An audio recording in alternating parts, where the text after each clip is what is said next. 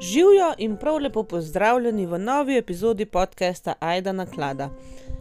Danes, ko tole snemam, je sreda popoldan, tako da bo današnja epizoda mačkam kasneje kot ponavadi. Ponavadi je objavljena že ob torkih zvečer oziroma v sredo zjutraj, ampak uh, včeraj sem pomagala Miklaužu uh, dokončati darila pa spakirati in um, sem vedela, da imam danes čas, pa sem rekla, ne bom včeraj neki nasilo snemala, si bom danes vzela čas in posnela eno super epizodo, upam, ne. Tako da Vanda, Vanda, ne, uh, ki je včeraj pa je zelo težko čakala epizodo, evo ti jo danes, boš zadovoljna, ne. V glavnem. Um, epizoda današnja bo kriminalne narave, tako kot pač naj bi bile sredine. Um, mislim, da letos so samo sredine, tako da ne vem, zakaj to vedno povem. Uh, v glavnem bo kriminalna epizoda, bo taka kar kruta, je pa to primer, ki še ni zaključen, ki je zelo, zelo svež, manj kot eno leto star, gotovo ste za njega že slišali. Um, in zakaj sem se odločila za snemanje, vam povem uh, kasneje. Um, tako da upam, da vam bo všeč, ampak ja, je pa upozorilo, da v, v kakšnem pogledu bo mogoče ne nazorna tako, ampak zelo te lahko prizadene, no, se boste slišali zakaj.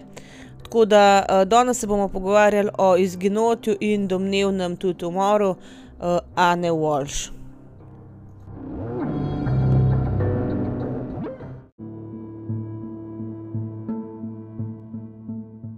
No, tako kot sem napovedala, danes se pogovarjamo o izginotju in domnevnem umoru Anne Walsh. Zdaj, zakaj domnevni umor, pač trupla niso našli, uh, tako da um, ne moramo zdaj reči, da je mrtva, ker uradno ni še nihče ničesar priznal, uh, našli jo niso, tako da ja, a ne. Ampak uh, mislim, da ni več dvoma, no, jaz mislim, da je čisto že splošno nekako mišljeno, da je ona žal pokojna. Uh, ker pa je za njeno zgodbo zelo pomembno, da poznamo glavna dva akterja kar dobro, se bomo v njiju tudi dost podrobno zdaj le pogovorili. Najprej seveda o Ani in potem tudi o njenem možu Brianu Walshu. Zdaj, če ste vi slišali, jaz ne govorim ena ali pa kaj tasga, kar bi morala, glede na to, da gremo v ZDA spet, ampak govorim Ana, tako po naše. Zakaj? Ker v resnici je bila mal naša. Jaz ne vem za vas, ampak ko slišim o takih primerih, da kje nastopa kakšen osebek iz uh, bivših držav uh, Jugoslavije oziroma držav bivše Jugoslavije, uh, mi je vedno mačkan drugač.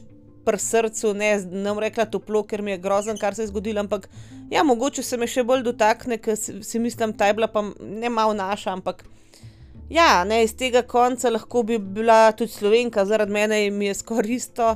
Um, tako da, ja, to mi je vedno zanimivo, kadar se kakšen naš, a ne pojavki. In Ana je bila v bistvu um, po bivši državi naša, ker bila je namreč srpkinja.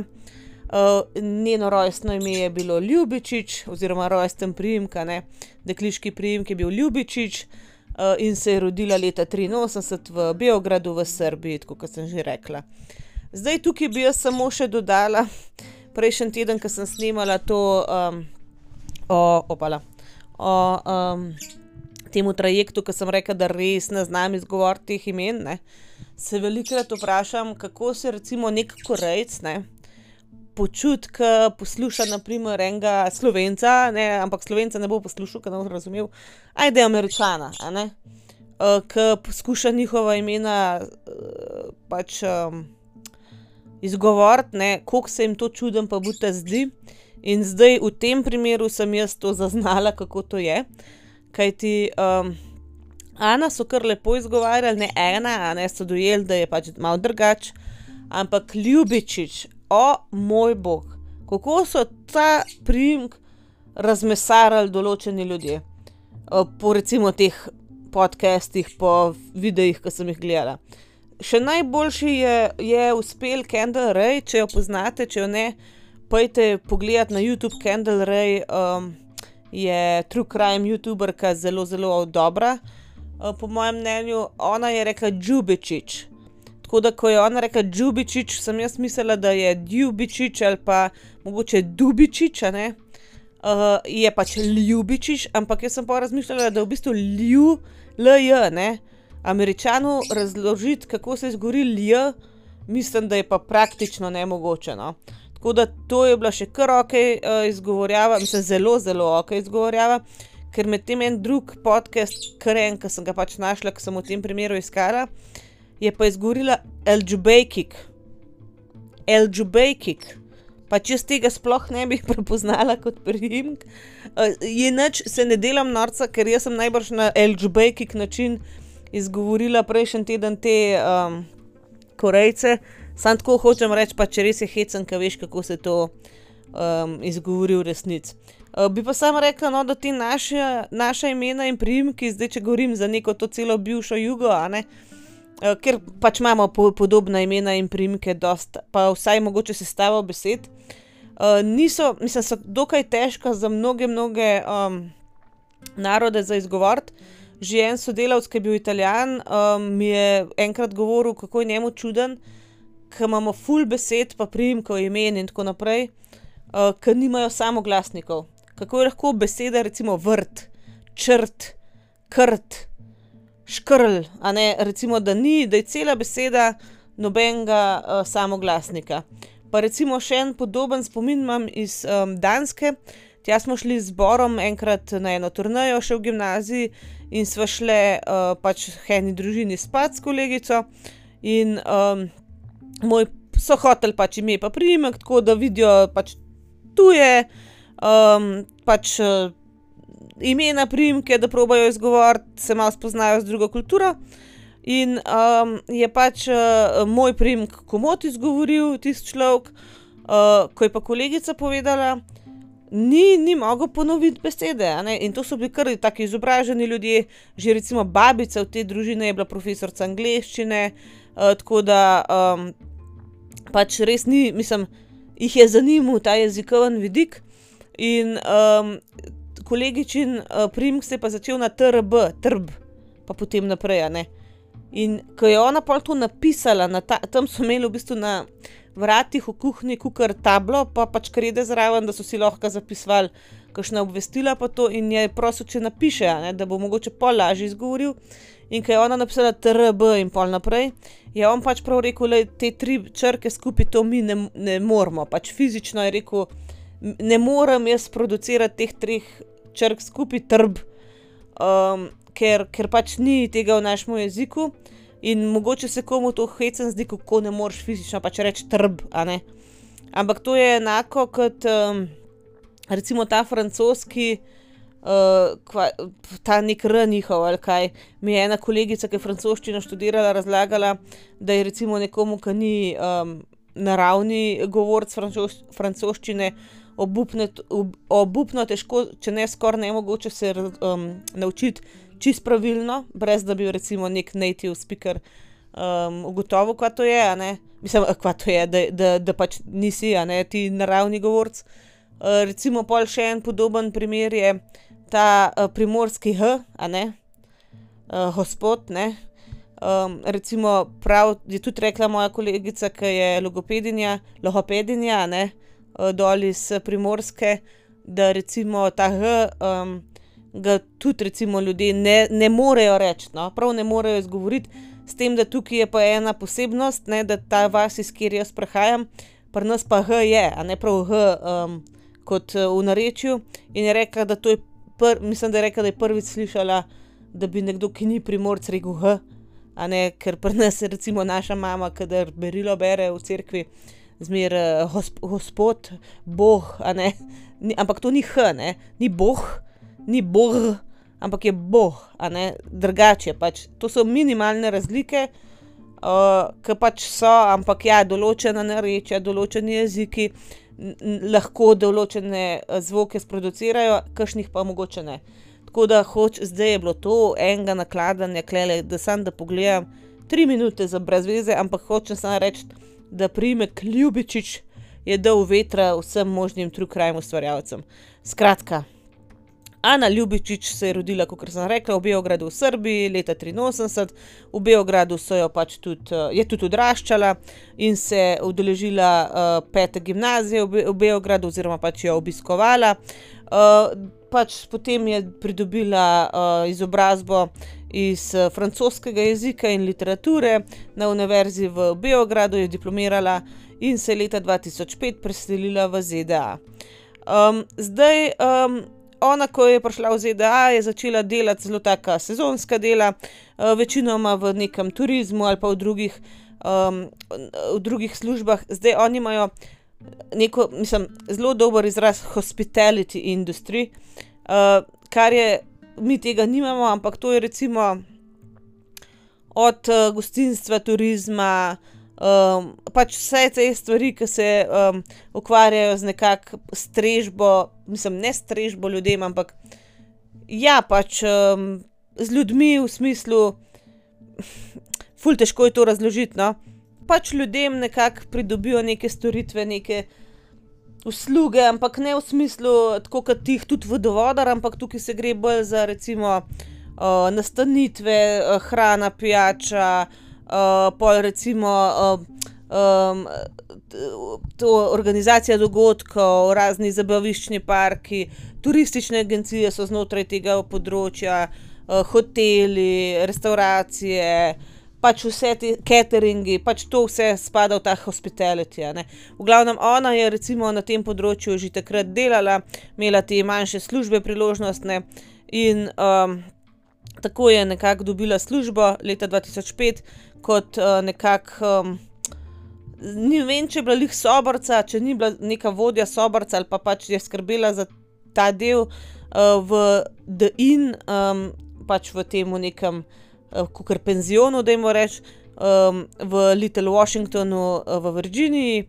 Uh, in um, leta 2006 je pa že delala v tem istem penzionu kot strežnica.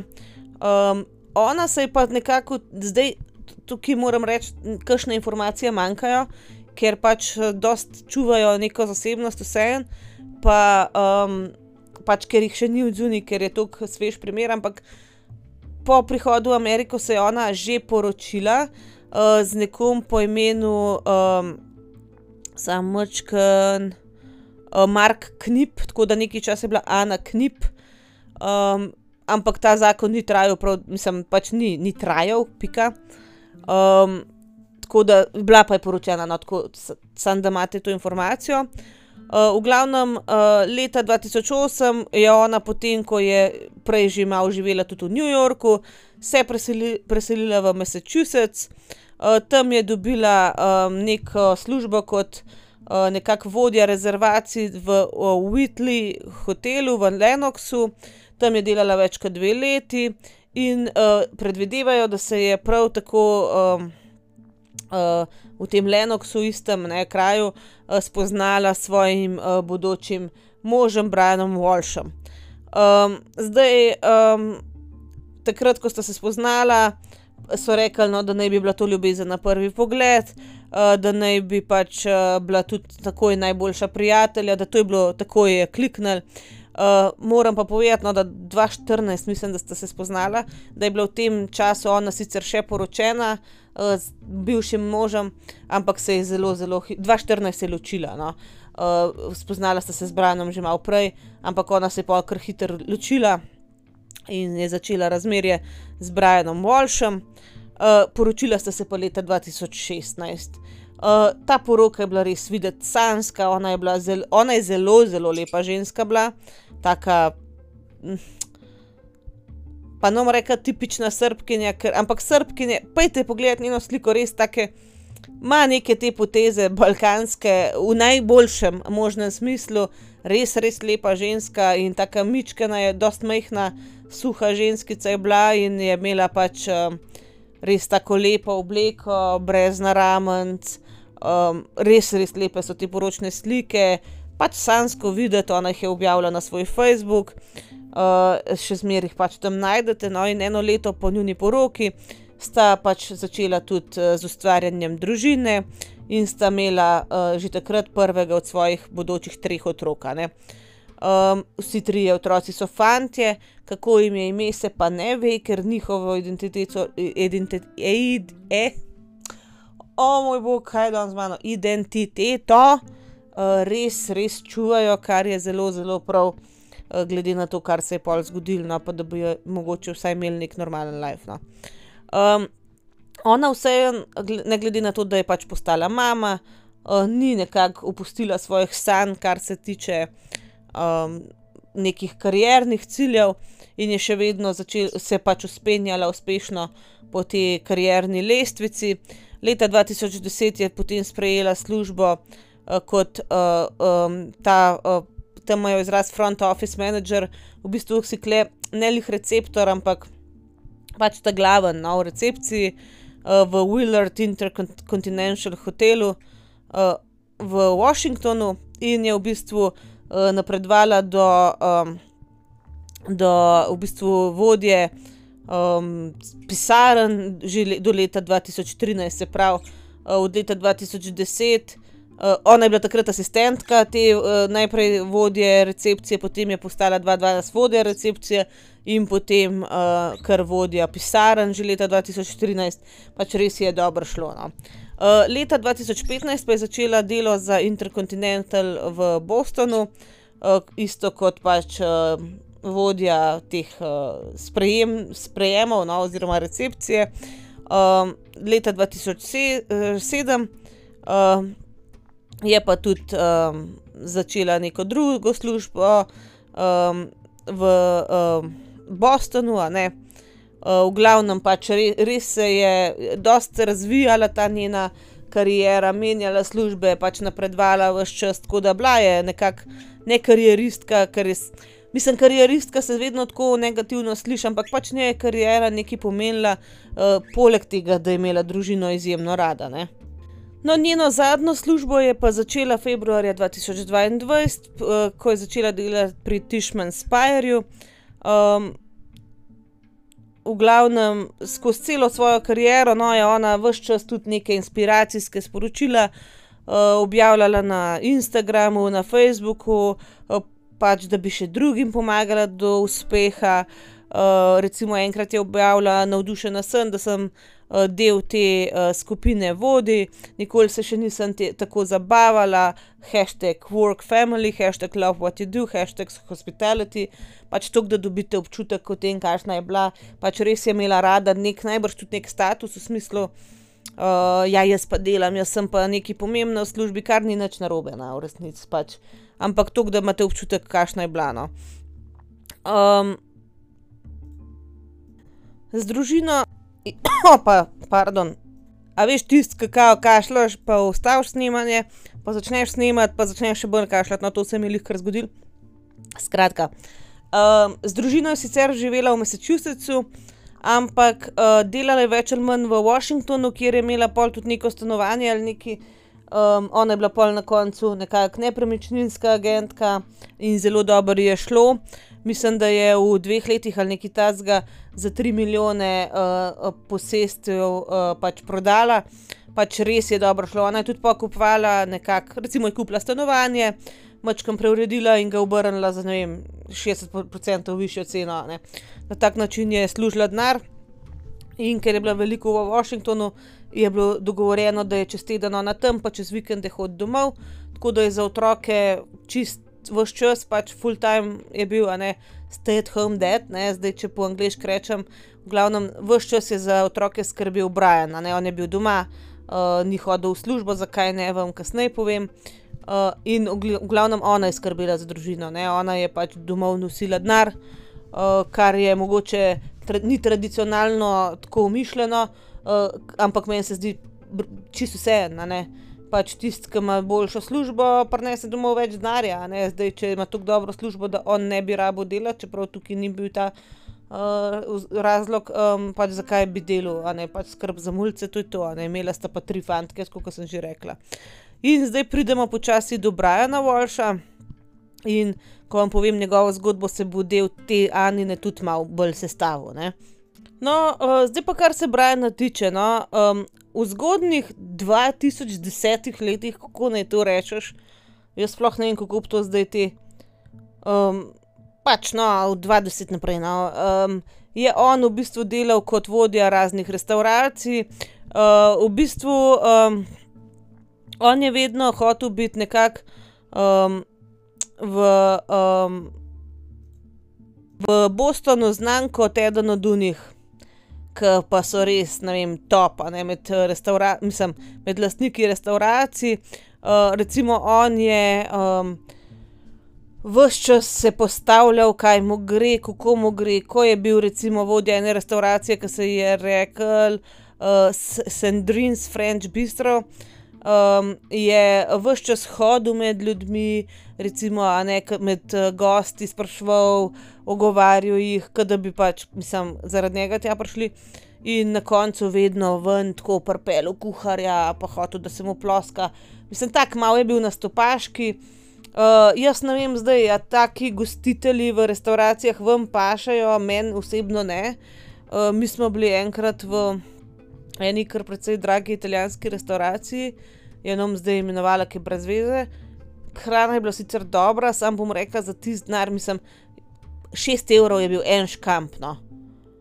Pa nič dob, ni bil tako dober, pripravljen, da bi si zaslužil biti 6 evrov pa dobro, govorim za en škamp, to je en škamp, brez uh, pač posi špagete so bili posebej računan.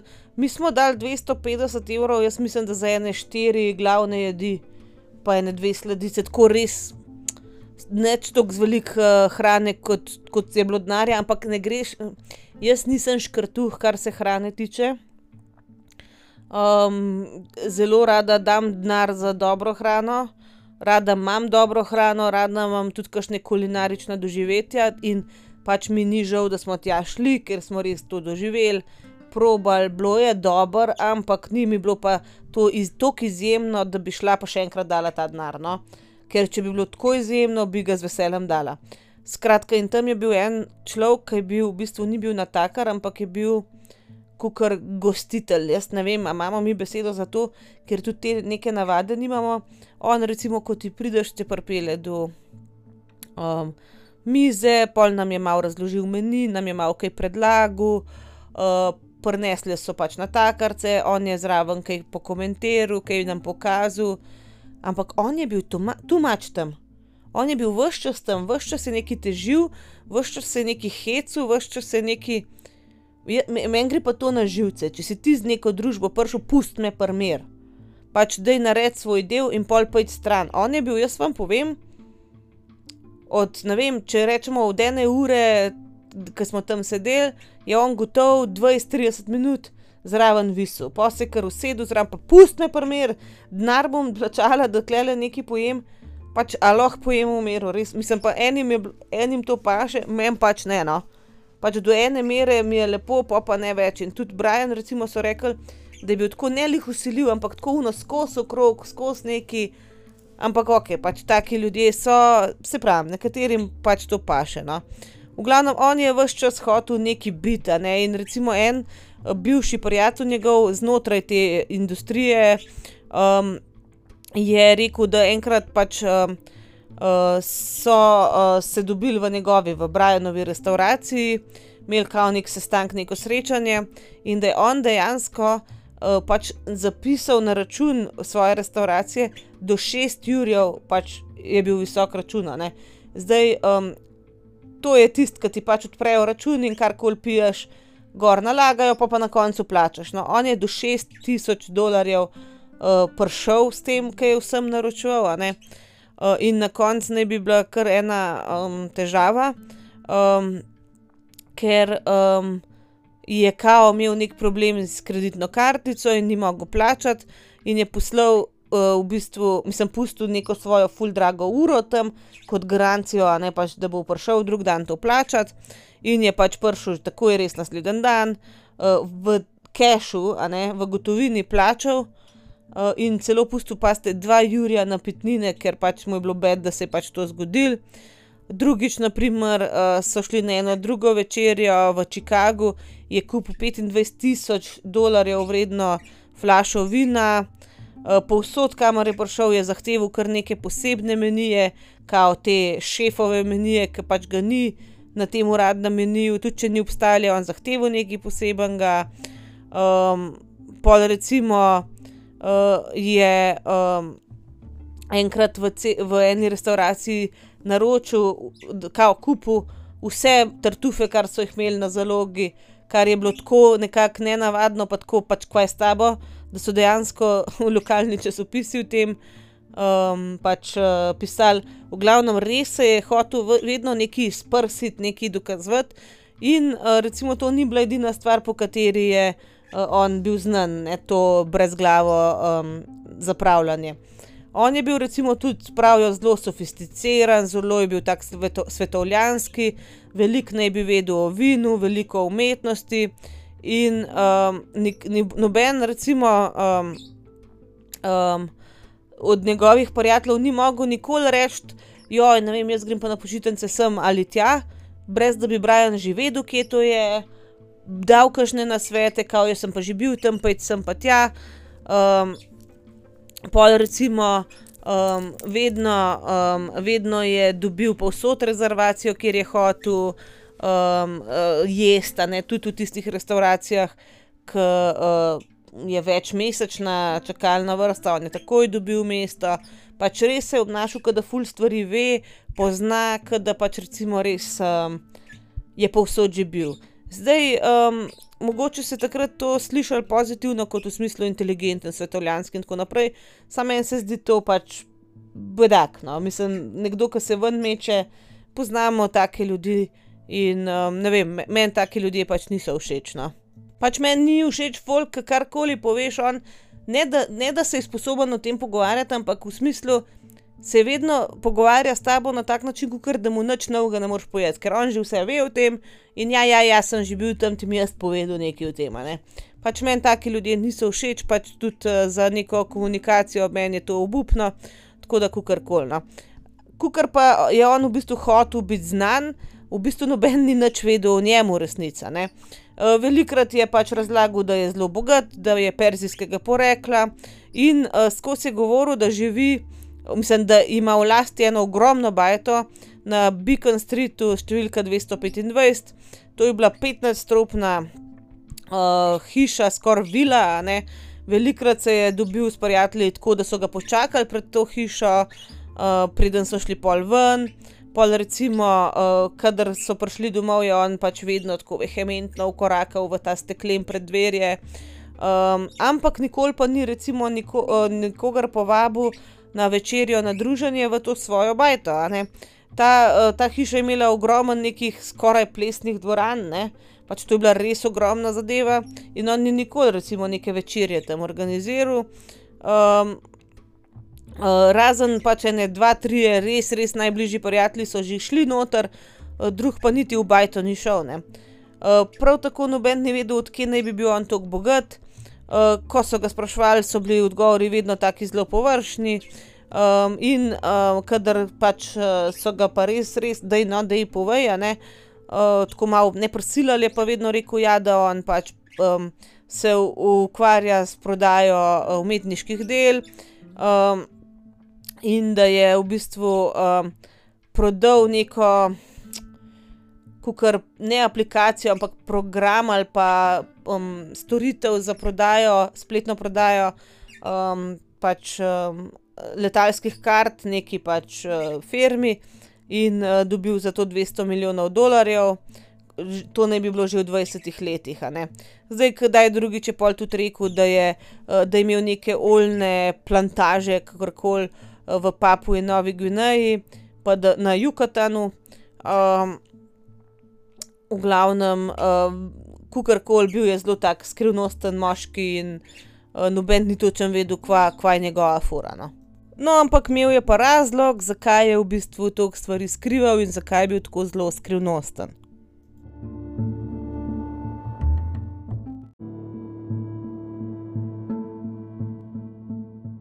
Prva resnica o Brianu je bila ta, da te hiše na tem naslovu, ki sem ga prej povedala, on v resnici ni imel v nikakršni lasti.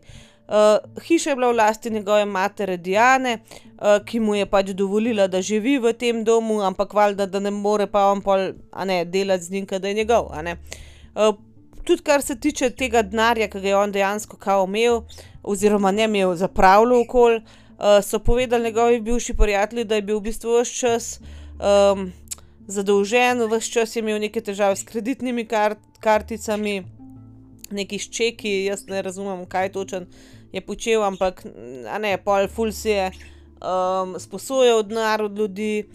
in ti njegovi bivši prijatelji tudi pravijo, da je ves čas pač krivil za vse, kar je bilo z njegovimi karticami, denarjem in tako naprej narobe. Je krivil svoje računovodje, v smislu, da je pač si kupil neki čas, da se je šele pol bilo da je bilo šele pol treba vrniti, ko si je sposodil kaj.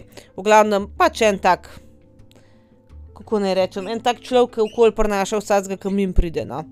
Ampak recimo niso vsi v njegovi bližini kupili, tega njegovega, te njegove igre, tega njegovega pretvarjanja, a zdaj, ena od teh ljudi, ke so bili povabljeni recimo v eno od njegovih restavracij, je rekla, da pač vedno, kadar je pač videla njega kot gostitelja, to, ke sem prej rekla, da je hodil med ljudmi in se pogovarjal z njimi, da se je zdelo, ke da je vse skupaj nekako sproducirano, v smislu, da se on ven meče, da je pač hotel biti center, nekako pozornosti, da so se morali vsi njemu zahvaljevati, ne, čeprav recimo ni bil ne kuhar ne nič.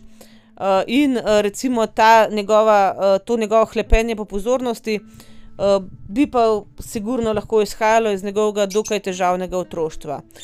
tako vsaj pravijo ljudje, ke so mu bili blizu.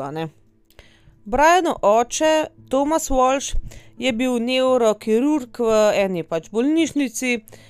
on naj bi bil pač in fizično in čustveno, pač nasilen do njega, ko je Brian odraščal. Kar mislim, po Brianovih besedah, no. naj bi bil pač, zelo tako, nasilen v smislu, da ga je, pretepal, da mu je rekel, da je luzer, pač da je izguba. in, ko pač so se nekaj tožarili, je Ana dejansko tudi to v nekem pismu, ke so ga uporabili na sodišču, navedla kot pač stvari, ke jih je on njej povedal. in, recimo en tak zelo globok občutek sramote, no, se je ves čas zažiral v njegovo življenje.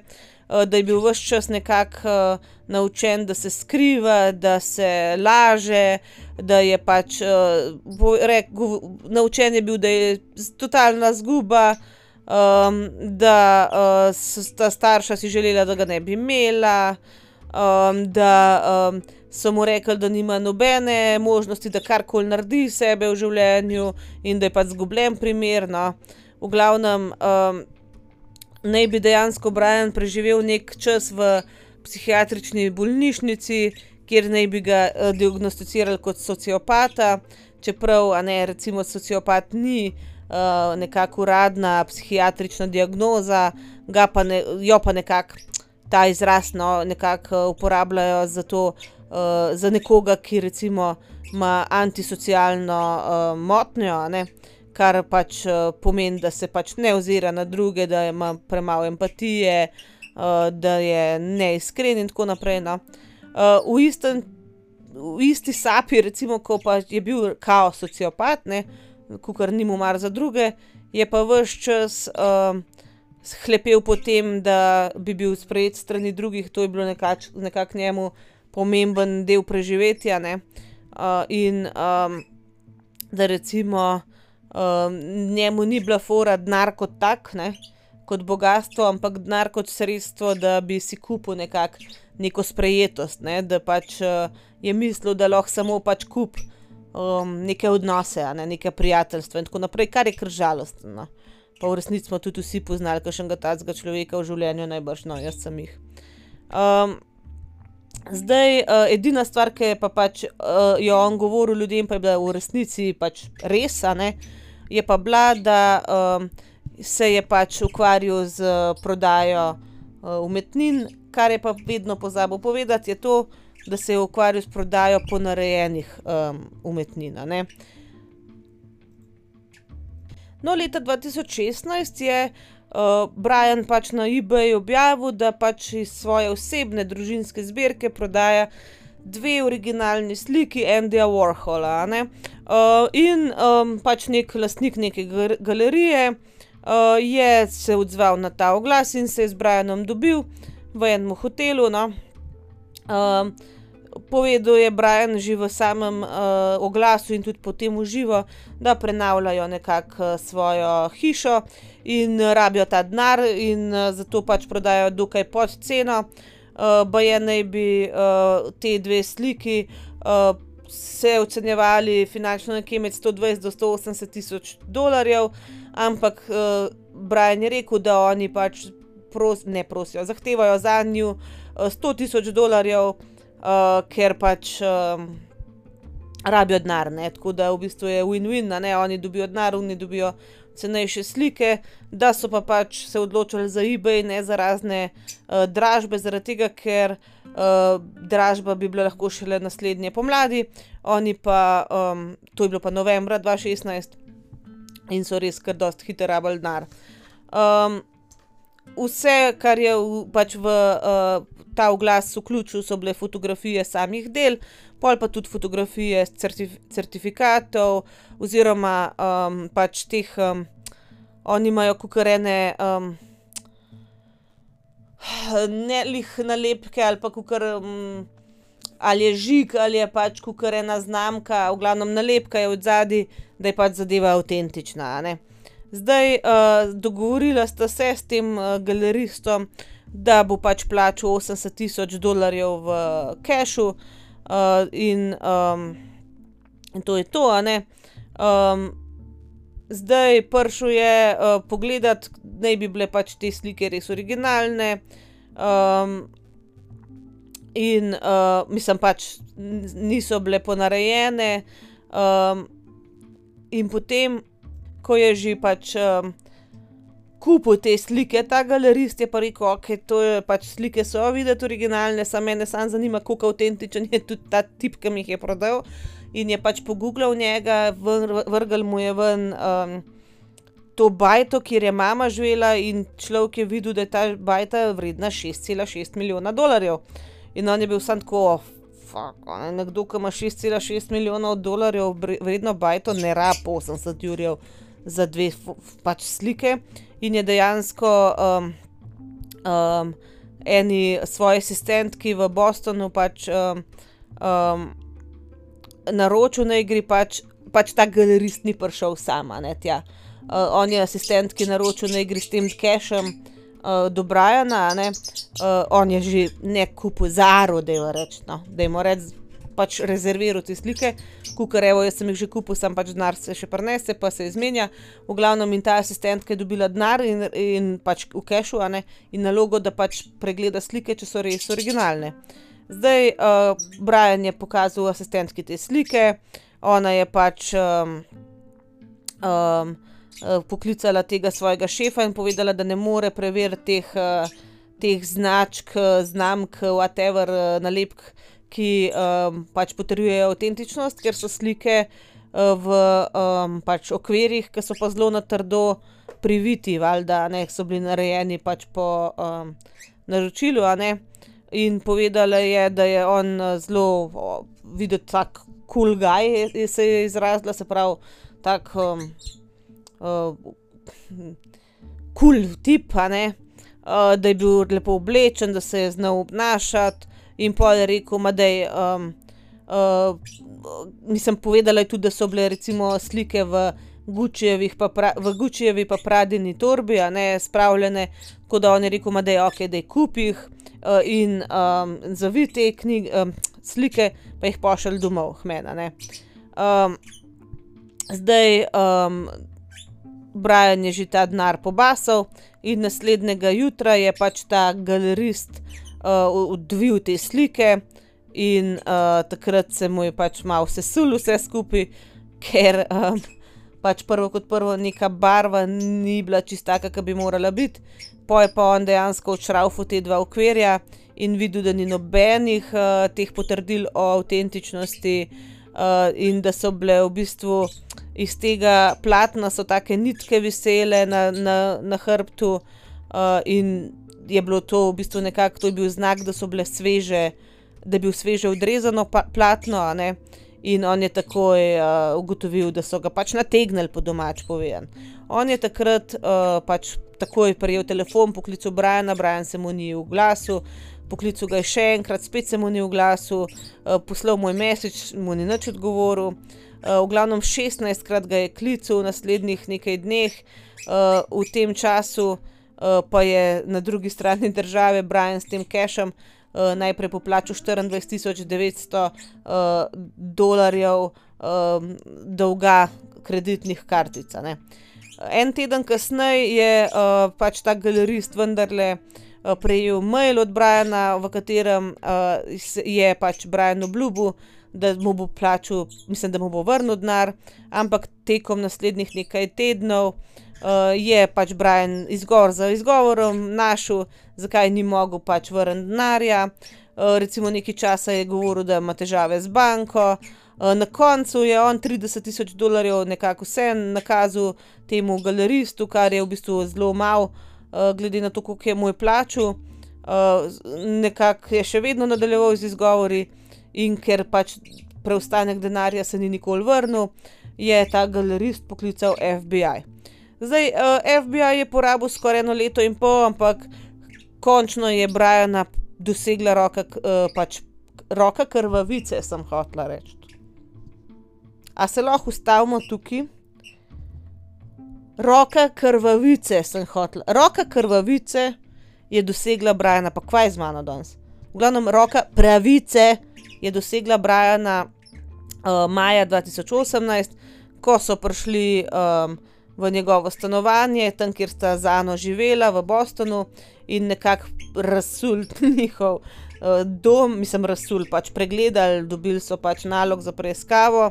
Uh, Kmal so nekako um, ga obtožili in obsodili zaradi uh, pač prevare, in uh, on je bil nekako. Um, najprej na uh, pogojni kazni pred samim sojenjem, je že takoj dobil to, uh, ta monitor, a ne to, kar imajo na, um, na zapestju, na nogi, sem hotel reči, na gležnju, pa dobro, no, kaj je to danes.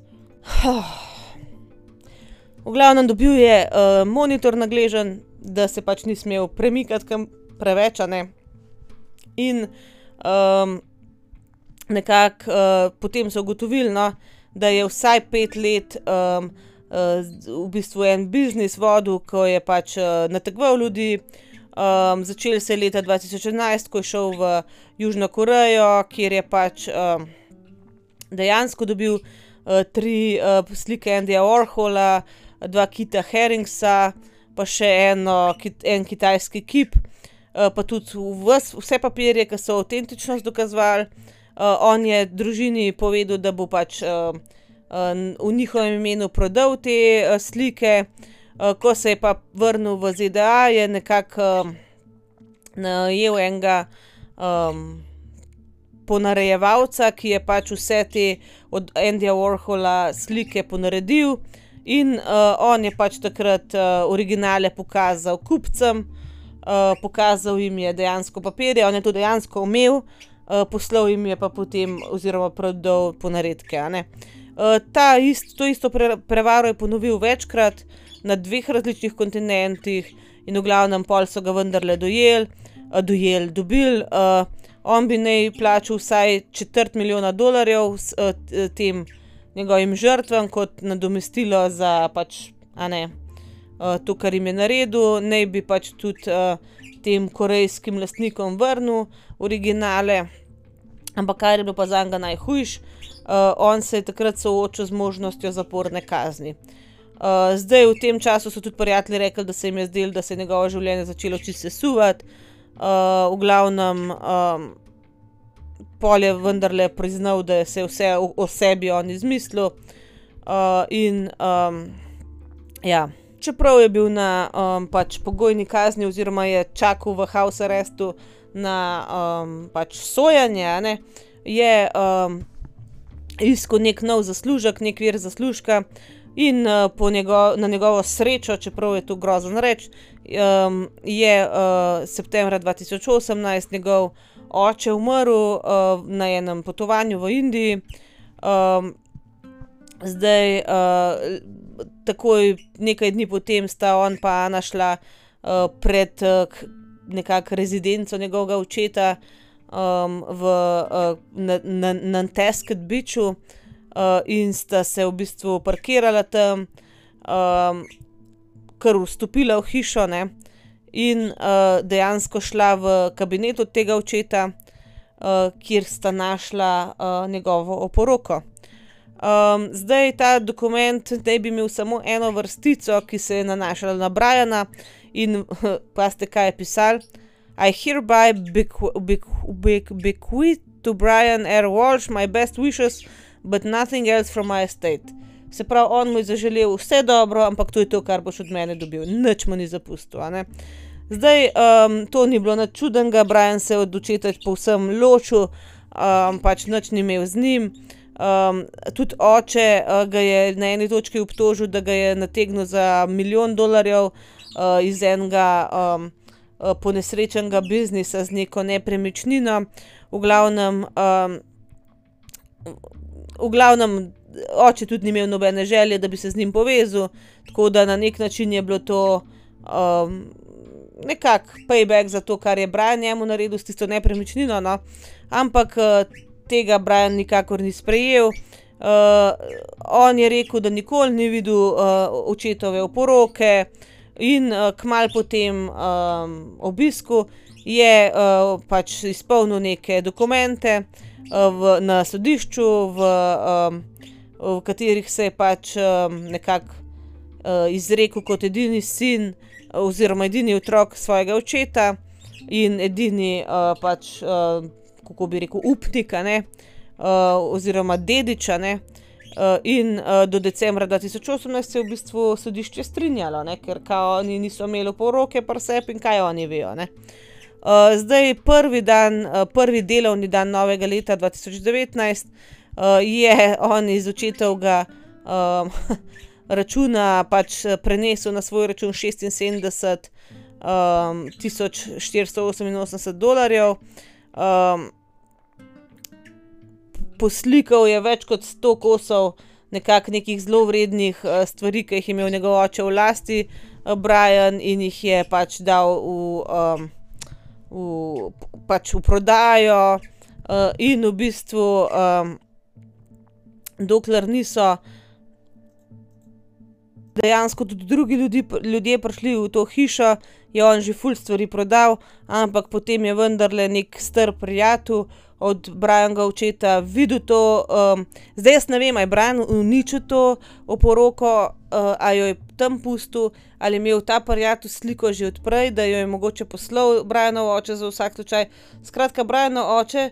Je imel sliko oporoke, jo poslal na sodišče, oni so pač uh, um, nekako sklepali, mislim, se odločili, da je to dovolj uh, velik dokaz, da je pač obstajala uh, in uh, da je Brian nezakonito pridobil vse ta premoženje.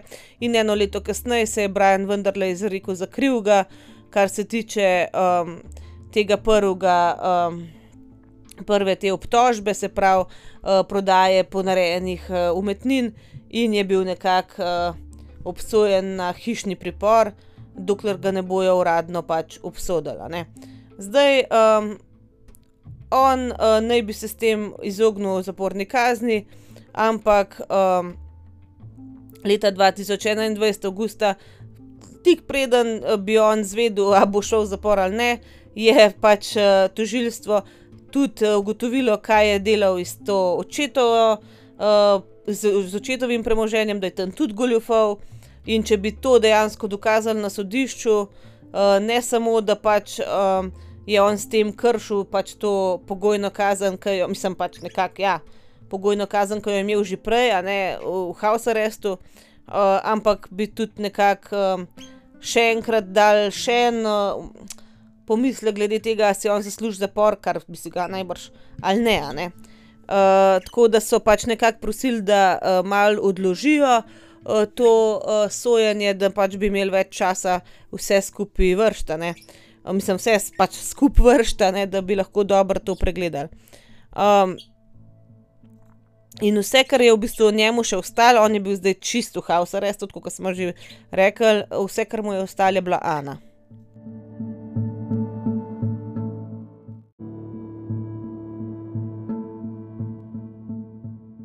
No, zdaj gremo pa končno po tem dolgem, dolgem uvodu, kar ni bil niti uvod v resnici, ampak en pomemben del zgodbe pravzaprav, no. gremo na dejansko dogajanje enega leta nazaj, ne. novembra dva tisoč dvaindvajset, se pravi eno leto, majčkeno več kot eno leto nazaj, je Brian začel nekako sumiti, da naj bi imela Ana, neki, neko razmerje z nekim moškim v Washingtonu. Zdaj, to je bilo res. Tukaj zdaj pač ne moremo nič drugega reči, ker so po tem, kar se je pol zgodilo, dobili to informacijo oziroma se je ta moški sam javil in je pač povedal, da sta imela več mesecev trajajoče razmerje z Ano, preden je pač izginila. on je prišel sam do policije, ker valjda, če bi oni to prej izvedeli, da bi on to skrival, bi tudi on bil osumljen in tako naprej, ne. V glavnem, ta moški je povedal, no, da, sta se dobivala, ko je bila Ana v Washingtonu, in da je v zadnjem času razmerje, to razmerje postalo precej bolj resno. onadva naj bi šla, Ana in ta njen ljubimec, naj bi preživela, ta Thanksgiving oziroma zahvalni dan skupaj v Dublinu na Irski, na Irskem in, naj bi imela, tudi, plane preživeti novo leto skupaj, ker sta tudi božični večer preživela skupaj, ne. zdaj tukaj moram majčkeno dati, nekako ozadja. Ana, je, tako kot sem že stokrat povedala, preživljala tedne v Washingtonu, čez vikende je šla pa domov. Za otroka je vmes skrbel Brian, on je bil na house arrestu itak, kar ni pomenilo, da ne sme čisto nič ven iz hiše iti. On je lahko šel, recimo otroke v šolo peljat, iskat, v trgovino in take stvari, ampak ni pa smel, ne vem, zapuščati mesta, zapuščati države in tako naprej, ne. ker je čakal na sojenje. V glavnem in, pač tako sta se dogovorila že prej, ona je bila edina, ke je denar hiši nosila. Samo ni bilo zdaj to tako, da ona pusti pa pozabi mulice tam pa desca pa se goni po Washingtonu. Dejansko je ena njena prijateljica povedala, da, od leta dva tisoč osemnajst, od tega, ko je prišlo ven to vse skupaj, s to prevaro, je začela, ta zveza razpadati, no, pač najbrž je on tudi Ani, lagal glede tega, kaj je, kdo je. Jaz sem prepričana, da ona ni vedela, na kak način on pride do vsega tega denarja. In, da naj bi že od leta dva osemnajst naprej, Ana nekako, načrtovala, da, da bo pač pobrala mulce, se preselila z njimi vred za za stalno v Washington in se ločila od Briana, a ne. Da potem je ratalo pa še hujše, ne. dva osemnajst se je začelo, v bistvu pol, pol pa z vsem skupaj pa pol, ko so ga začeli še za to stvar z očetom v bistvu preiskovati, je samo še krhalo se. zdaj tukaj bi tudi rekla, da v bistvu veliko ljudem, ke so ju poznali, itak ni bilo jasno, kva delata skupaj. ker ona je bila res taka fatalna ženska, lahko rečeš, no, lepa je bila pa nima to z ničimer veze. nisi nič manjvreden, če nisi kao lep, a ne, za te neke standarde, ampak ona je bila lepotica, ke je bila tudi pametna, ke je bila uspešna, ke je bila sposobna, ke je bila istočasno lahko dobra mama in, poslovna ženska. Zdaj ne se osredotočati samo na to eno leto ali koliko, dve leti, ke je pač ona čez teden bila v Washingtonu pa samo za vikende doma, to ni bilo kar skozi tako, ne. Ampak ona je res, zdelo se je, da je super ženska, ne. On na drugi strani je bil pa, okej, saj tudi je bil lahko šarmanten pa tako, a ne, pameten pa razgledan, ampak pol se je videlo, da je vse, kar počne, on laže. Da je vse zgrajeno na nekih lažeh in,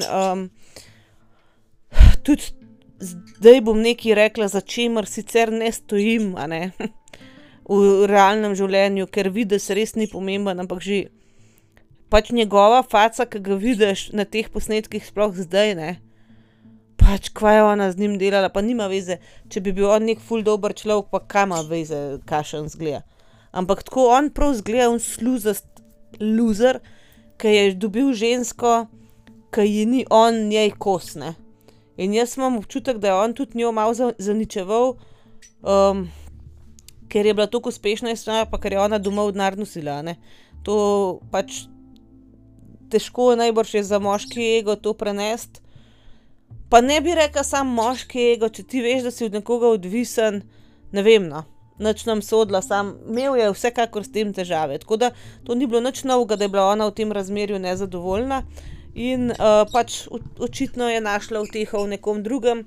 Jaz tega sicer ne zagovarjam, tako bom čisto konkretno rekla, ne bom zdaj, zato ker je več kot očitno ona mrtva, nje zagovarjala, saj imela po pravici je imela ljubimca. Ne, jaz mislim, da v vsaki možni okoliščini, lahko imaš ti, mislim, lahko rečeš: "Glej, ne bi več bil v tem razmerju," in ga končaš, preden začneš novega.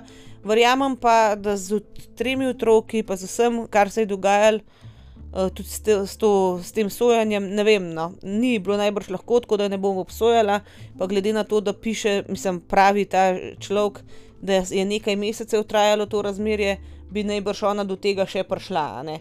Najbrž ne bi ona kar v nedogled vlekla, mislim sedela na, mislim vlekla neka razmerja oziroma sedela na dveh stolih, ne. tako da istočasno je ne zagovarjam, no, samo nočem pa tudi ne podpirati tega, ampak zdi se mi, da je v tej popkulturi zdaj tako ratalo, da ful zagovarjamo varanje, da je to nekaj čisto normalnega, ker pač narediš to za svojo rit in meni ni to prav, no.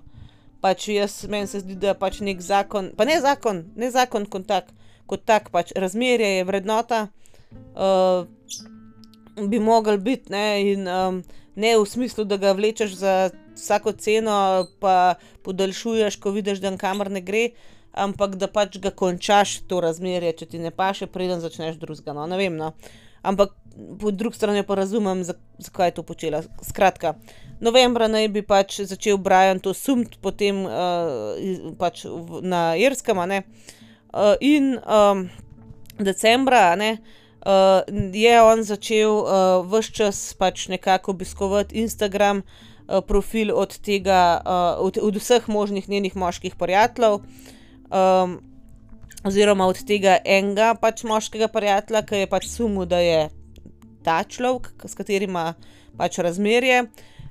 in, šestindvajsetega decembra je Brianova mati, po na njegov, njegovo priporočilo ali pa prošnjo, kakorkoli, po njegovem navodilu nekako, najela, enega zasebnega preiskovalca, da bi naj, zasledoval Ano v Washingtonu in ugotovil, če ima z nekom razmerje. Zdaj, od Briana, nekako, pač obramba, ne, zatrjuje, da on tega ni vedel, da to ni nič res, ampak ne vem, no, iz kar nekje tudi najbrž niso te informacije prišle.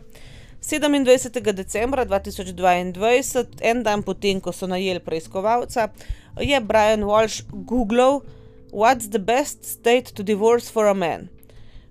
se pravi, v kateri zvezni državi se je najboljše ločiti, če si moški, ne. osemindvajsetega decembra, je, v Washingtonu med eno večerjo s svojimi prijatelji Ana postala zelo tako neznačilno vznemirjena in je, tudi povedala eni svoji prijateljici, da je pač, prepričana, da bo Brian nekako, da ga bojo zaprli zaradi tega njegovega, mislim zločina, ja, zaradi njegovega prekrška in da je čisto pripravljena, da ga zapusti in da vzame otroke v Washington. tako da res, res se je nekaj dogajalo, ne. Vmes so bile pol še neke nepremičninske zadeve, da je ona, ne vem, dva, zdaj tega tukajle ne najdem, tako da to, kar bom zdaj povedala, mogoče ni do, do besede res, no. Ker jaz se tega samo spomnim iz različnih teh, podcastov, ampak kakor jaz vem, je bilo še celo tako, da je ona imela v nekem stanovanju ali kakor v, ne vem, a je bilo stanovanje ali stanovanjski kompleks, v v glavnem v enem od teh stanovanj je živel neki par, uh, ki sta imela ali čisto majhno najemnino, ali sploh nista imela, in sta v zameno za to najemnino um, je on vzdrževal ta stanovanja, neki na ta način.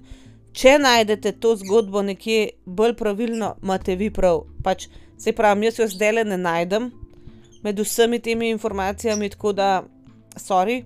Ampak ja, no, na neki na ta način je bilo, in da je ona tik pred zdajci prišla in rekla, da do takrat moraš biti odzun, pač vrgla jo je ven iz tega stanovanja zelo, zelo na hiter, ker je pol to stanovanje prodala. Ne?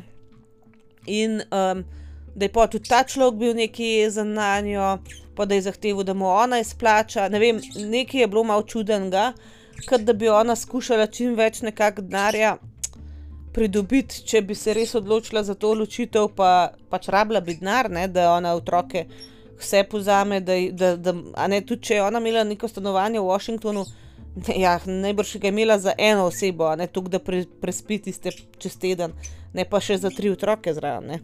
Tako da, um, ja. Zgleda je, da je ona v neki stiski, no, ker tudi to ni bilo značilno za njo, da bi do nekoga se tako obnašala. Recimo, um, Zdaj, um, od 30. decembra je Ana uh, pač odletela domov v Massachusetts, da bi pač za praznike bila z družino. Uh, to je bil vikend, in niso pričakovali, no, pol je bil vikend, in uh, v službi niso pričakovali, uh, da se vrne nekako do neč prej kot uh, 3. januarja. 31. decembra so uh, pri, uh, v, v domu družine Walsh gostili pač uh, novoletno večerjo. Uh, in um, pač uh, na, ta, na to večerjo je prišla prijateljica po imenu Jem uh, in uh, Brian pa Ana. Um, sta pač na večerji bila čisto v redu, videti sicer je uh, ta prijateljica rekla, no, da jo je opazovala in da je veliko, veliko časa preživela na telefonu, uh, da je se z nekom dopisovala oziroma pošiljala nekaj voščila ali kako koli. Um, ampak da je bila videti zadovoljna, da je bila videti srečna, nič, nič ni bilo videti čudenega. In uh, ta prijateljica je odšla pri, približno enih ali pa pol dveh zjutraj uh, in um, je povedala, uh, da je pač Ana njej rekla, um, da uh, ima neko službeno um, nujno zadevo in da bo najbrž letela v Washington naslednjega jutra. Zdaj, če se spomnite, ona je imela. Um, plan s tem ljubimcem preživeti novo leto, a ne se pravi 1. januar. Zdaj, uh, Brian je povedal policiji potem, ne, da naj bi na jutro uh, novega leta Ana se pač uredila, ga poljubila za slovo in povedala, da naj gre nazaj spat. Uh, ona je ponovadi naročila neko taksi službo, uh, da jo odpelje do letališča in je odšla približno med 6 ali pa 7 uro zjutraj. Uh, in um, tistega dne je pa Brian začel z nekimi čudnimi uh, iskanji na, na, na Googlu. On je zato uporabil sinov iPad, uh, zakaj? Zato, da bi pač ni hotel to iz svojega računalnika delati. Ne? In recimo, kaj je on Google. Um, kako koliko časa traja, da začne truplo smrdeti? Uh, deset načinov um, za za to, da se znebiš mrtvega telesa, se pravi trupla, uh, če se res rabaš. Um, koliko časa mora biti nekdo pogrešen, da deduješ za njem, in kako um, spucati kri iz lesenih tal. To bom malo kasneje še pokomentirala. Povedal je Brian, da je pač uh, prišla um, do povdne pač varuška in da je on okrog treh popovdne uh, uh, odšel od doma, zato da bi um, uh, pač šel v štacuno po, po Fasengu, in uh, da je šel okrog štirih, še v Swampscott, uh, ki je približno eno uro vožnje stran od tega mesta, kjer je on živel, obiskati svojo mamo, ampak ni imel svojega um, uh, pač, telefona sabo in da se je uh, zgubil, a ne na tej poti. Eh, in je zaradi tega dalj časa trajal, kot bi ponavadi morala. Uh, povedal je, da je um, uh, pri mami se ustavil za 15 minut, pošel pa v bistvu za njo po opravkih, šel je tudi za njo po Fasengo. Uh, in je um, pač povedal policiji, da se je vrnil domov približno ob 8. popoldan. Ampak um, te uh, dokazi, ki jih pač ima policija oziroma tožilstvo, uh, kažejo čist drugo zgodbo kot to, kar je on povedal. Um, zdaj, um, Brian naj bi tudi um, pač te varuški povedal, da je pa še enemu družinskem prijatelju, da je um, zgubil svoj telefon, ampak uh, kasnejša analiza je povedala, dokazala, ne, da je bil pač janu, 1. januarja zjutraj telefon pržgan, uh, ampak je dejansko. Um, uh, ustal telefon v hiši, on ga je dal filat, ampak ga je pustil doma, je pa vzel telefon od najstarejšega sina sabo. In uh, dejansko so analizirali podatke iz telefona od najzga, najstarejšega sina in so pridobili dol uh, podatke, ne, da um, je ta telefon potoval skupaj z Brianom v dve trgovini. Uh, in uh, je pač tudi uh, nadzorne kamere teh dveh trgovin sta pokazale Briana, ki pač vstopi sam v ti dve trgovini. Um, in um, dejansko ob pol šestih popoldan je spet ena nadzorna kamera pokazala Briana in njegovga, um, njegov avto, eh, da, da je zapeljal pač uh, enemu velikemu eh, kontejnerju na parkirišču ene trgovine in je pač vrgel neke, neke predmete v ta kontejner. Uh, potem uh, je pač. Uh, telefon uh, potoval uh, do uh, enega pač bloka oziroma nekega stanovanjskega kompleksa uh, in uh, tam približen, kjer je odbrana mati živela, uh, in se tudi tam ustavil pri uh, kontejnerjih, ampak tam pač ni bilo video nadzora. Potem je uh, telefon se pač uh, um, premaknil do ene uh, trgovine, tako kot bi rekel, nek Bauhaus, ta pač gradbena, kjer je pa tudi pač uh, posnetek videokamere. In tam je Brian, um, pač, pa ste zdaj nabavil pet, uh, pet mm, galon, kaj je to, pač te te velike, sorry, um, mislim, te velike, normalne, um, um, ajmarje, ne vedra, pol žago, uh, 48 nekih. Um, takih kukar brisat, za brisati eh, stvari, ne teh brisač za ukupalnico, ne pol um, ta tajvek, ta um, skafander, 200 um, kukar nekih. Tudi isto nekih cum, ki se uporabljajo za to, da pač nekaj počistiš, pa vržeš stran, ne. Uh, Fulejnih vreč za smeti in ogromen, ogromen um, pripomočkov za, za čiščenje. Um, kupuje namreč tudi uh, 13 um, različnih uh, vrst nekega peroksida v eni drugi trgovini, kjer so tudi pol videli, ker je pač do tja ta telefon potoval in so videli pač na kameri, kaj je kupil. V glavnem tega je on kupil za 450 dolarjev. To ni malo, ne. No, kar se tiče Aninga telefona. Anin telefon je dejansko samo dvakrat se pojavil, to je fora, da uh, oni rečejo, da it pinged, ne. Uh, v bistvu se poveže z nekim najbližjim um, tem stolpom, kaj s tem oddajnikom. No? In recimo um, ta telefon se je povezal z oddajnikom v bližini njihovega doma. Enkrat 1. januarja, pa enkrat 2. januarja, se pravi, kot da ni šel z njo v Washington. Uh, Brian je pol povedal, da je 2. januarja vzel tudi enega od otrok in šel z njim um, na stadolet v en uh, ta juice bar, oni rečejo, tudi tam pač tako en lokal, ki delajo te sveže stisnjene sokove, pa smutije pa to. In uh, tudi, uh, da je ostala dva otroka pač čuvala varuška, da dejansko potrjuje pač uh, posnetek nadzorne kamere to njegovo zgodbo. Potem je šel pa s tem otrokom v eno trgovino in kupil tri nove preproge. Pač, ok, normalna stvar, ki jo kupiš 2. januarja. Um, takoj po poldnevu, ko je prišel domov, je pa Brian dejansko spet uh, googlal pač različne stvari, kot naprimer, ali je um, žaga najboljše orodje za razkosati truplo, a te lahko obsodijo za umor, če ni trupla, ali lahko identificiraš truplo s polomljenimi zobmi. Pač razmislite malo o tem. No? Uh, pol je on um, dejansko šel uh, spet uh, v eno drugo trgovino, to gradbeno, uh, vse je plačeval s cashom, tako da so pač, kar je plačal, videli, pač kar je kupil, videli po teh nadzornih kamerah, ni bilo nekih sledi na kreditnih karticah, pa to. Tam je kupil pa spet uh, čistila, uh, te um, štile, no, za pomila, pomivati po tleh te vilede, no, pa to pol uh, spet Aimer, um, v glavnem ogromen enih takih zelo, zelo sumljivih stvari. 3. januarja je on spet naredil, spet Google bedarije. Recimo, kaj se zgodi z lasmi na mrtvem, mislim, na teles, na, na truplu. Kar, kaj se zgodi z lasmi na truplu. Um, ka, kako hitro se razkraja truplo, če ga najdeš v plastični vrečki ali pa če ga pustiš na tleh v gozdu.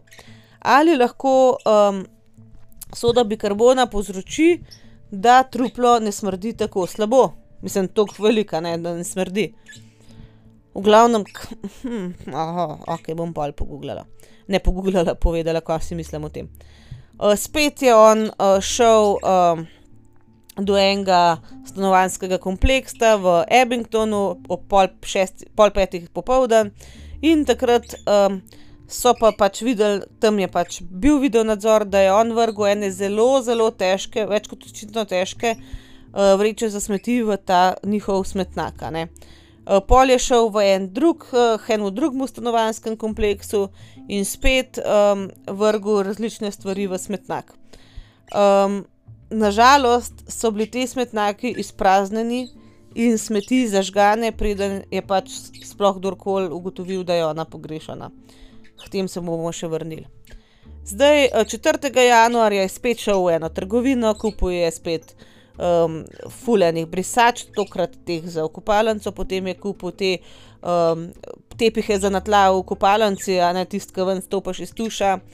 Um, in tistega dne, no, vendarle, um, je pa um, njen eh, od Ane uh, delodajalec.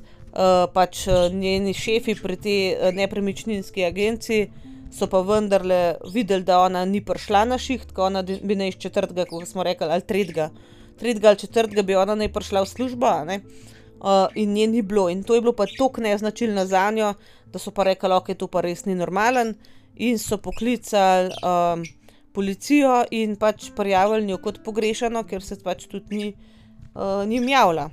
Uh, zdaj. Um, obramba pravi, da je najprej Brian njih poklical, pa vprašal, če kaj vejo, kje ona je, pa so oni pol še le prijavili, ampak ne pravijo, da so se sami tega um, spomnili, da so sami ugotovili, da nekaj ne štima in so oni direkt prijavili njeno izginotje, niso hoteli recimo poklicati Briana, pa njemu naročiti, naj to naredi. Zdaj, uh, policija iz Koheseta, tam, kjer so živeli, je dejansko šla na njihov dom, da bi pač uh, pogledala, če je ona v redu, to je, to je ta well-being check, ki oni imajo. Ne. Se to je pri nas tudi, ne. če te skrbi za nekoga, lahko gre policija preveriti stanje te osebe.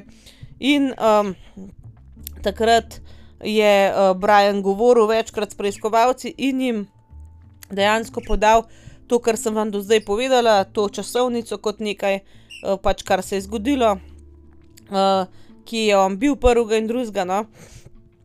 In takrat je policija, ko so pač bili doma pri njih, videla, da je od Brajana uh, avto imel zadnje sedeže položene dol in da je imel čez, čez sedeže pogrnjeno plastično, um, plastičen polivinila, ne? plahto plastično. No, 5. januarja so spet prišli uh, na dom uh, in so takrat videli, da pač te plast, tega polivinila ne več v avtu od Brajana. In uh, videl se je tudi, da je, bila, uh, da je bil tepih v avtu sveže, globinsko očiščen, um, in um, da je bil pač prav tako prav črte od sesalca, da so se videli, da je bil res pucan. In uh, pa sem mu rekel, pač, kje imaš tisti polivinil v večerju, in je rekel, jaz sem to že stran vrgel, ni več. Um, pol spet uh, so pogledali njegov uh, gibanje, kar se telefona tiče, videli so, da je šel spet do enega smetnaka. Uh, in uh, takrat so vendarle še ujeli uh, tiste smeti, in so uh, v desetih različnih vrečkah za smeti našli um, razne um, krvave madeže na stvareh, uh, stvari za uh, čiščenje, recimo čistila, pa krpe, pa take stvari. Pol so tam najdel um, žago, uh, sekirco, tako, uh, potem ene škornje in um, torbico, ki so bili Anini, pač take, ki jih je Ana nosila. Uh, dejansko so našli njeno uh, kartico glede cepljenja za COVID, nekaj ona je to rabila pri sebi imeti vedno zaradi uh, potovanja. Uh, našli so nek del um, njene verižice, ki je vse čas nosila, in um, pač ta policija je potem vendarle razglasila njo za pogrešano uh, in prosila javnost za kakršne koli informacije, in policija je pa vendar takrat v bistvu oznanila, da je ona bila zadnjič videna živa, takoj po uh, polnoči na novega leta dana. Ne. Se pravi, uh, na Silvestrovo so bili skupaj pol po polnoči, uh, jo je še ta prijateljica videla, ker Brianovga pričanja oni niso kot kredibilnega vzeli, ne, mislim. On je lahko govoril, da ste si zjutraj še ljubčka dala, pa kdo, kje imaš dokaz, ne.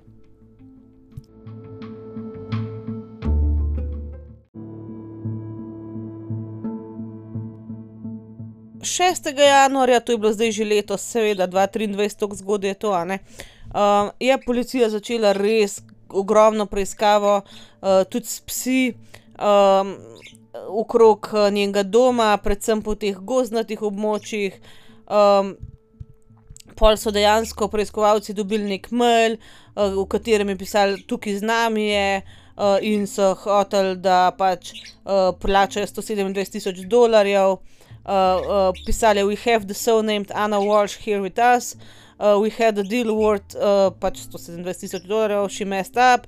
v glavnem, kakor da je ona zafrknila nekaj, neko, neki biznis in da je dolžna sto sedemindvajset tisoč dolarjev in da jo imajo, in da če pač ne plačajo, je ne bo nazaj, kar nekaj. zdaj, ta mail je bil takoj pač sumljiv, ker ni bilo nobenega, nobene časovnice, do kdaj pač hočejo ta denar imeti, ni bilo nobenih kontaktnih informacij. zdaj, v glavnem, pač to, to je bilo, ne vem zdaj točno, kdo je bil za tem, no, ampak kar nekaj je bilo to. Potem šest, preiskovalcev je bilo zadržanih samo zato, da so v bistvu preverjali, to časovnico, ki jo je Brian dal, pogledali čisto vse posnetke nadzornih kamer in izvedeli vse te stvari, ki jih mi zdaj že vemo. in vendarle, so potem, oni oznanili, da so zaključili iskanje Anne Walsh, a ne. zdaj, potem so osmega januarja pridobili, nalog za preiskavo njihovega doma od Briana pa od Anne. našli so v kleti kri, krvav nož, in takrat so pač Briana vendarle, aretirali. najprej zaradi, oviranja preiskave in, devetega januarja je bil on že na sodišču, kjer se je izrekel za za nedolžnega, kar se tiče zavajanja policije, no.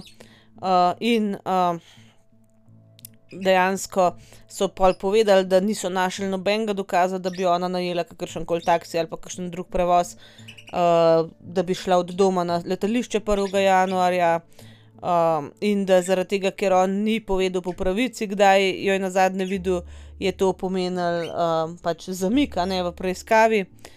in takrat so mu dali varščino petsto tisoč dolarjev in naslednje zaslišanje postavili na deveti februar.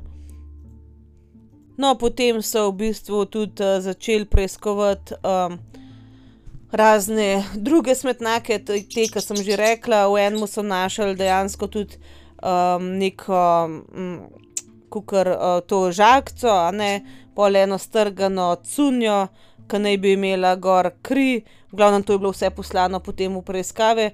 V tem času so pa tudi ugotovili, da je Brian z vsem tem vozakanjem okoli večkrat prekršil pač to, ta svoj house arrest, ne, ker on je imel določene izjeme, kam lahko gre, ampak to šestindvajsetkrat v Bauhaus po stvari, s katerimi je ženo pospravil, pač ni del tega, kam ti lahko greš na house arrestu, ne.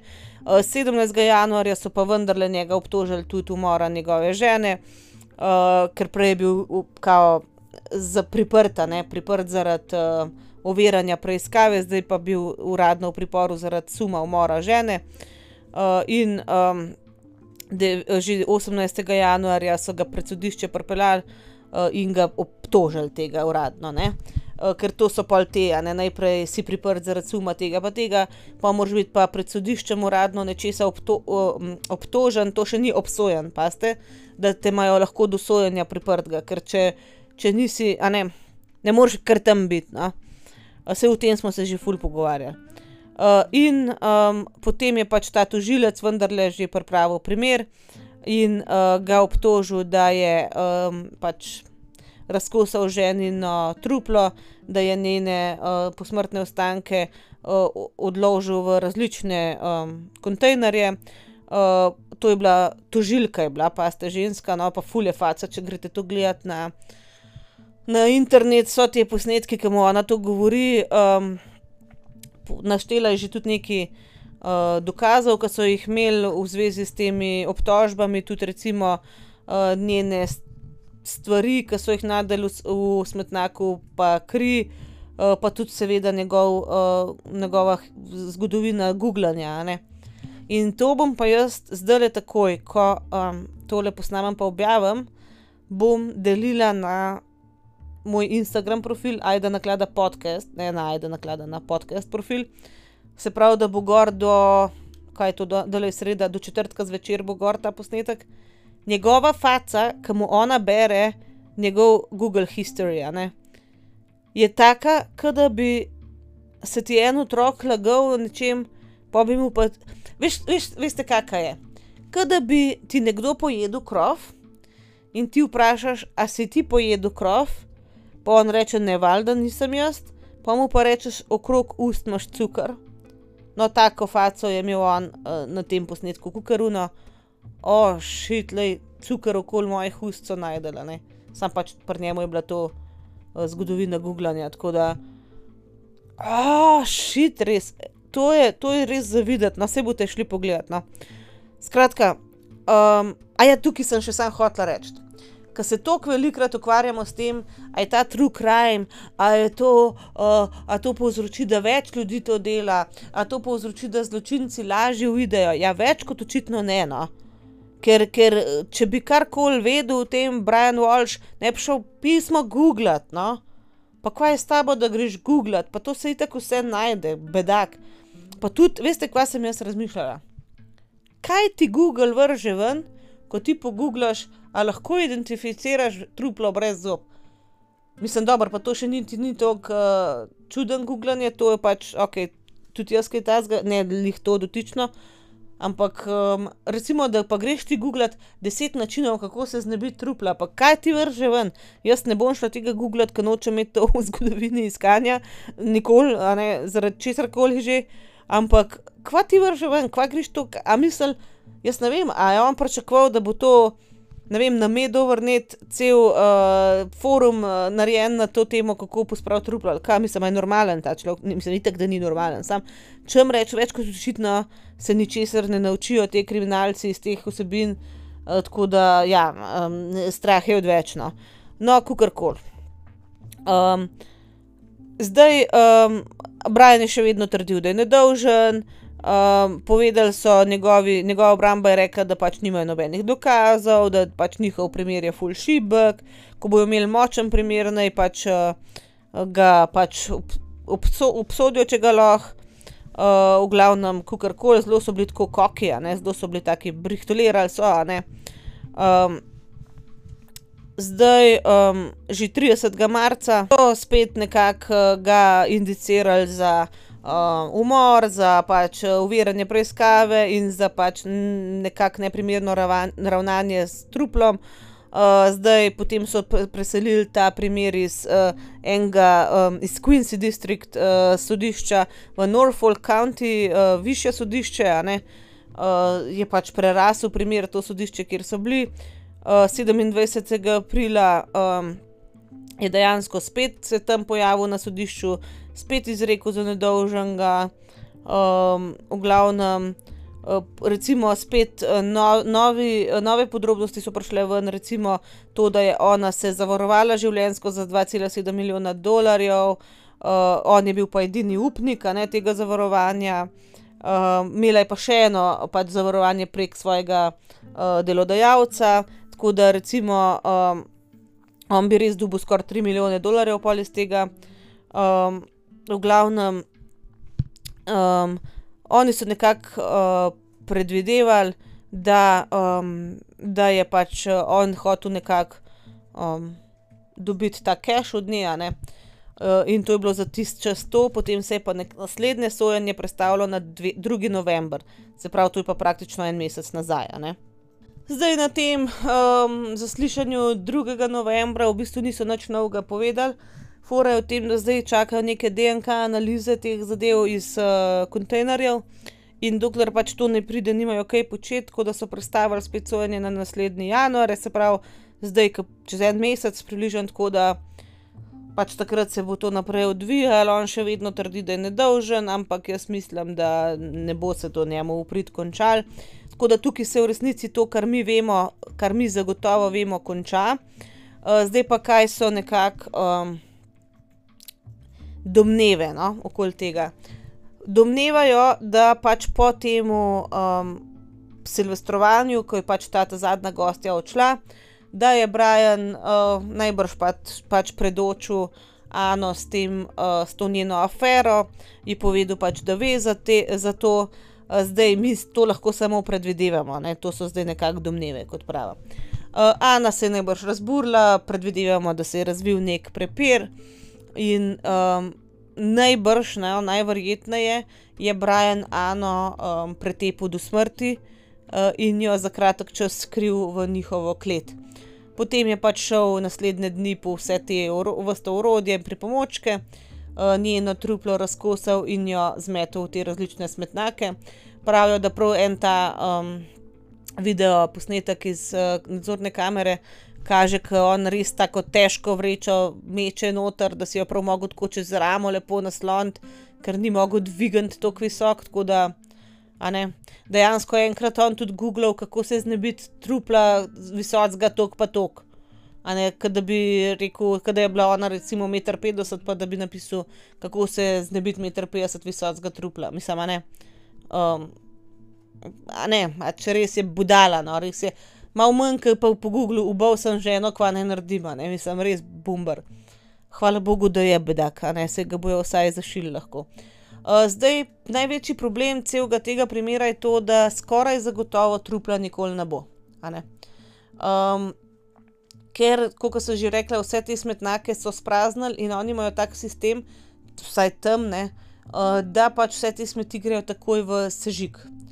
In se pravi, če je bilo to sežgan, pač je konc, ne, te nimajo kaj brskati. Neka smetišča so sicer preiskovali, ampak niso nič najdel, uh, tako da jaz mislim, da tega trupla pač ni več. Zdaj njena družina, predvsem mama v Srbiji, um, res, um, res želi, da bi vsaj neki lahko pokopali, uh, sam mislim, da žal ta želja se ne bo uresničila. Uh, mogoče samo še to, no, z, uh, v zgodnjih jutranjih urah 1. No, uh, januarja je ona klicala svojo mamo, sestro, pa um, pričo poročno, pa se nobena ni javila, ker to so bile vse srpkinje in je bila pač ta razlika v uri, pa tema.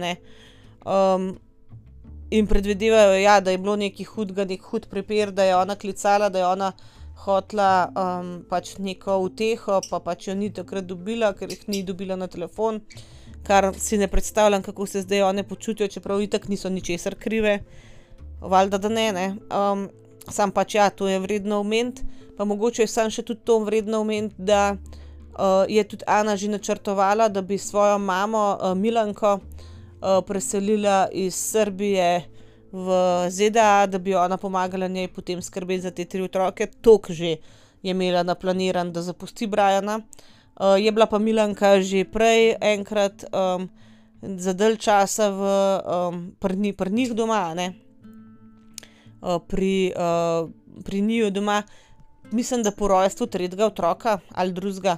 Po rojstvu enega otroka je bila ona kar en večji del, mislim, tri mesece ali koliko pri njih, da je pa pomagala in da v tem času, ko je bila tam, jo je potem uh, kap zadela, uh, je kar um, dolgo pol ukrevala in je dejansko tudi um, Brian skrbel za njo, za svojo taščo. In Milanka je rekla, da tok ni posumila, da bi on karkoli bil zmožen narediti. Ona je full časa Briana dejansko um, zagovarjala v smislu, pač ne, ne, on to, to ni šans, to ni bil on.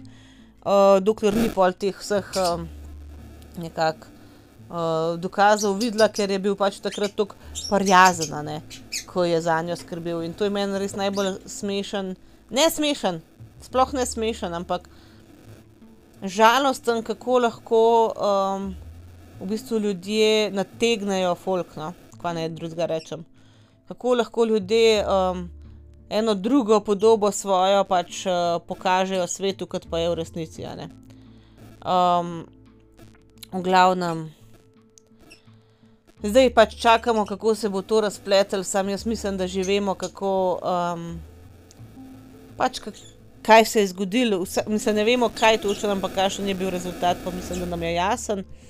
Uh, zdaj najbrž je marsikdo od vas pomislil tudi na te tri boge fantke, oni so ostali praktično brez obeh um, staršev. Um, zdaj, Brian, kot uh, mislim, no je bil on edinc, no? mislim, mislim, da je bil edinc, nisem pa prepričana čist. Um, Ana ima itak v Srbiji žlahto, uh, tako da ti tri otroci so zdaj v uh, skrbništvu, pod skrbništvom države. Uh, pravijo pa, no, da se kar neki družin bori za posvojitev, da bi posvojile pač vse tri otroke skupaj, no? da bi fanti pač skupaj ostali. Uh, koliko so stari, kako jim je ime, to noč ne vemo, tudi na vseh slikah so jih zabrisali, kar je super, no, da neko zasebnost ohranijo. Ampak um, je pa dejstvo, da noben več ni bil tako zelo majhen, da ne bi vedel, kaj se dogaja. No. In tistega, tiste noči, ko se je to zgodilo, so bili otroci dejansko doma. Uh, tako da um, ne vem, upam, da ni kdo, ki je slišal, videl, da je grozno. In tukaj se konča naša zgodba. No.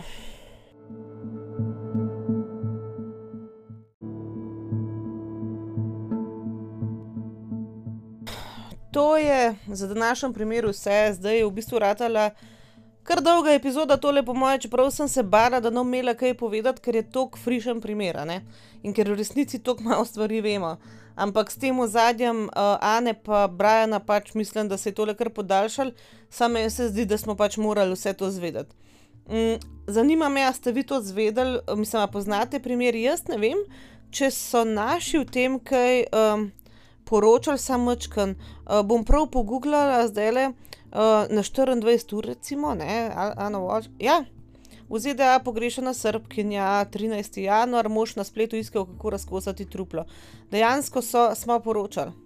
Januarja lani v tem uh, je bil kar tak, še kar dolg članek na, um, na 24 ur. Uh, v glavnem, um, ja, tukaj je sicer piše, da je tudi uh, on smrtjo grožil že leta 2014, prijem sta bila poročena njej pa njeni prijateljici. To informacijo sem ene parkrat videla, ampak ne v smislu sojanja, samo tako v medijih, zato jo vam nisem govorila. Um, ampak ja, um, v glavnem, um, ja, evo, dejansko smo mi tudi poročali. Um, in um, potem še 17. januarja je bil en članek na 24 ur, ja, dejansko, evo. Uh, tako da, um, mogoče ste kaj slišali o tem, no? če ne ste pa zdaj. Um, kaj si vi mislite, jaz mislim, da je tukaj jasno. No? Jaz mislim, da tukaj sploh ni nekega hudega, hudega vprašanja, uh, ampak ja, mogoče ima pa kdo od vas kakšno drugačno teorijo. Da grem pa tole objaviti, pa grem pa na, TikTok, da, TikTok, na Instagram, da tisti TikTok, o katerem sem vam govorila, upam, da ga najdem. No? Um, in um, pridite kaj pogledati to, no, to faco morate videti. Um, drugače pa lepo se majte, vidimo se, slišimo se naslednji teden, uh, upam, da no, zdaj le tako bom rekla, da le ta, tale. Um, December bo malo tako, tako, no, naslednji teden, v torek je v službi ena zadeva za upokojence, kjer pomagam, pol naslednji torek je naša službena, ne zabava, neki zaključek. Uh, tako da, če kakšne epizode ne bo, ali pa bo kasneje, ja, pač ups, december je. December je, ne da se delati. Uh, ne, to je bilo novembra, ampak ok, nima veze. Vanda, Vanda si še po koncu. Uh, no, v glavnem, uh, upam, da se slišimo naslednji teden, če se ne, se pač ne. Uh, ostanite do kadarkoli pa se slišimo, varni in zdravi in čau, čau.